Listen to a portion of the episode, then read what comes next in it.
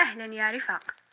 هنا اتكاء للروح التي تحتاج جدارا تستند به وتنثر فيه متاعب جسد مرهق وتتحول إلى عالم آخر مليء بالتحدي والروح المنتثرة. نعيش كل يوم مواقف جديدة تجعلنا نتكئ على روح نحتاج إليها لكي نستقيم إلى الأمام. تجعلني الحياة نفكر بالمواقف التي تحصل مع الأشخاص الذين نقابلهم يوميا ونرى عمق مشاعرهم وسلوكياتهم وننظر إليهم بشكل أوضح لتكتمل الصورة ونكتشف أخيرا أنهم سند نتكئ عليه من مصاعب الحياة. فتجرنا الحياة إلى المصاعب لترينا ما لا نراه وتجعلنا نحس بنعم نحظى بها ولا يحظى بها غيرنا.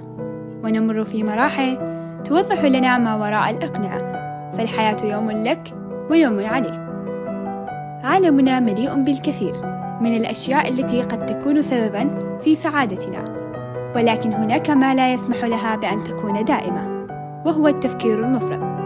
فيجعلنا التفكير المفرط في حالة تخدير خارجة النطاق. نفكر بما يجعل من سعادتنا أمر صعب فيدخل الفرد في حالة اللاوعي ويجعل من هلوسته عالم له ويلغ عينيه عن عالمه الحقيقي.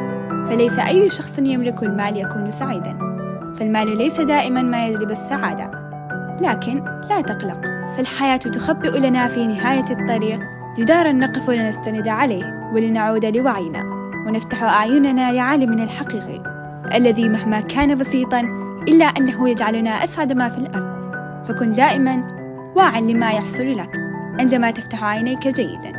انظر بتمعن وثق أن هناك شخص يقف لتقديم المساعدة لمن يحتاج. ولتقديم السند والاتكاء. فالوحدة ليست دائما سببا لكون الشخص يحمل صفة عدم القدرة على التواصل مع المجتمع. فالبعض يحب الوحدة لأنه يريد الابتعاد عن مشاكل الحياة الاجتماعية والبعض يحب الحياة الاجتماعية ومساعدة الناس وتكوين صداقات جديدة كلما أتيحت له الفرصة. بودكاست اتكاء سيكون متنوع بالمواضيع التي تحصل بشكل متكرر في حياة الناس. ولا يمنع ذلك من عمل بعض المقابلات والحلقات العشوائية. وليس الختام نهاية. لنا لقاء قريب بإذن الله في حلقة جديدة. كان معكم واء بالفتحة من بودكاست اتكاء.